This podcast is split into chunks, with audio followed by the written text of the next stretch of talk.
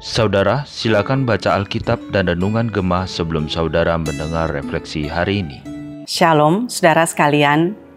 Refleksi Gemah kita hari ini terambil dari Nehemia pasal yang kedua. Seperti biasa, mari kita berdoa sebelum merenungkan firman-Nya.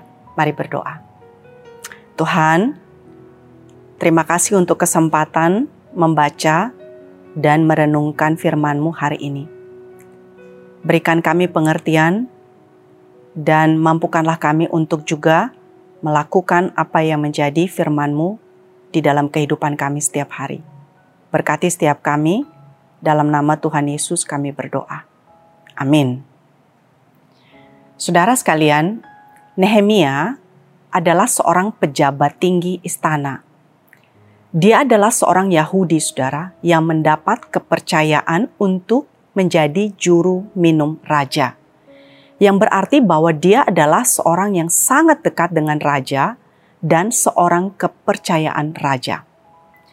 Di pasal 1 sebelumnya dikisahkan bahwa di bulan Kislu tahun ke-20, Nehemia menerima kabar tentang tembok Yerusalem yang telah terbongkar dan pintu-pintu gerbangnya telah terbakar.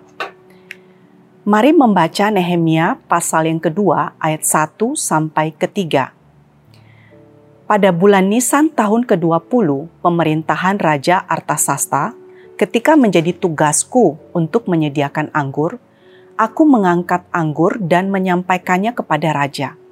Karena aku kelihatan sedih, yang memang belum pernah terjadi di hadapan raja, bertanyalah ia kepadaku, "Mengapa mukamu muram walaupun engkau tidak sakit?" Engkau tentu sedih hati. Lalu aku menjadi sangat takut Jawabku kepada raja, hiduplah raja untuk selamanya. Bagaimana mukaku tidak akan muram kalau kota tempat pekuburan nenek moyangku telah menjadi reruntuhan dan pintu-pintu gerbangnya habis dimakan api. Saudara, Nehemia adalah seorang yang selalu berdoa. Sejak pertama kali mendengar berita tentang tembok Yerusalem yang sudah terbongkar, yaitu di bulan Kislu Empat bulan kemudian dia menghadap raja, yaitu di bulan Nisan. Itu berarti saudara bahwa sudah empat bulan dia berdoa dan ini saatnya bagi dia untuk membawa perkara yang menjadi beban hatinya kepada raja. Saatnya bagi Nehemia untuk bertindak. Apakah yang akan dilakukan oleh Nehemia, Saudara? Kalau kita melihat dari ayat 5 sampai 8, ada tiga hal yang akan Nehemia minta kepada raja. Pertama, dia meminta izin untuk diutus kembali ke Yehuda untuk membangun kembali tembok kotanya yang telah hancur. Kedua, meminta surat untuk bupati-bupati di daerah supaya mengizinkannya tiba di Yehuda.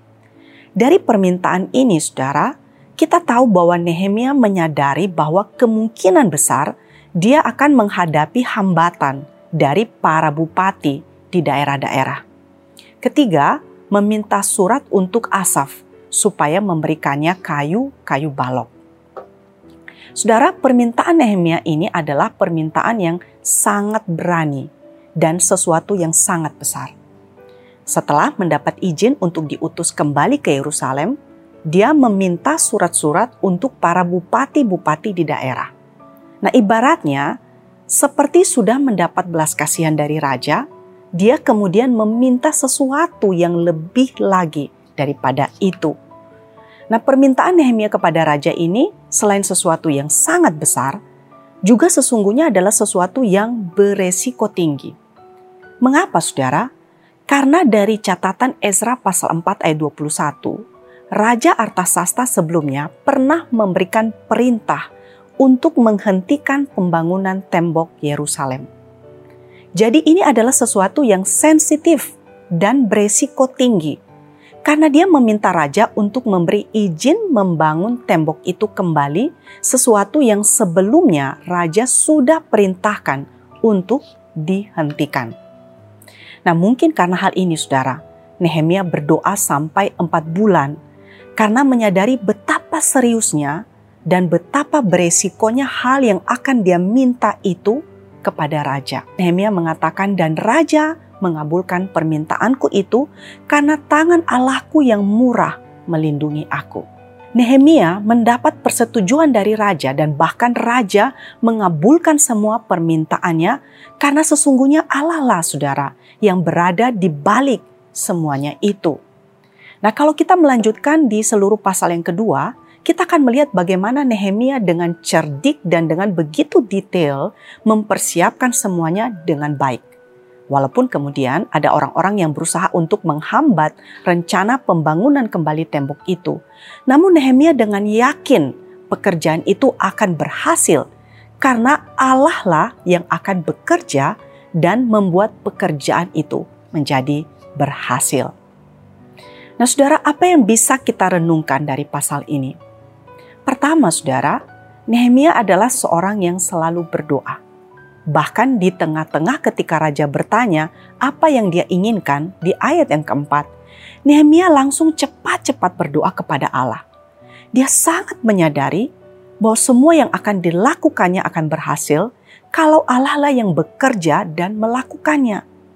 Namun dia bukan hanya berdoa saudaraku, dia juga bertindak. Bertindak dengan cerdik dan hati-hati. Jadi kita melihat dua tindakan yang sama-sama penting dilakukan oleh Nehemia untuk melakukan tugas yang penting ini, berdoa dan kemudian bertindak. Kedua saudara, dia adalah seorang pejabat tinggi yang sudah menikmati hidup yang nyaman. Namun, walaupun demikian dia tidak lupa kepada bangsanya. Ketika mendengarkan kabar tentang tembok Yerusalem yang telah terbongkar, dia menangis berkabung, berpuasa, dan berdoa. Dan setelah berdoa selama empat bulan lamanya, Tuhan memberikannya visi untuk membangun kembali tembok Yerusalem itu. Dan Nehemia taat saudara. Dia rela meninggalkan zona nyamannya di istana dan mengambil resiko untuk melakukan apa yang Tuhan pimpin untuk dia lakukan. Namun meskipun dia tahu bahwa Tuhan pasti akan menolong, dia juga merencanakan semuanya dengan baik dan cerdik. Sehingga nanti kita lihat saudara, apa yang direncanakannya itu berhasil. Nah saudara sekalian sering kali kita terlena dengan zona nyaman di dalam kehidupan kita. Sehingga kita kadang-kadang kurang peka terhadap hal-hal yang Tuhan bukakan kepada kita. Dan kurang berani untuk melangkah.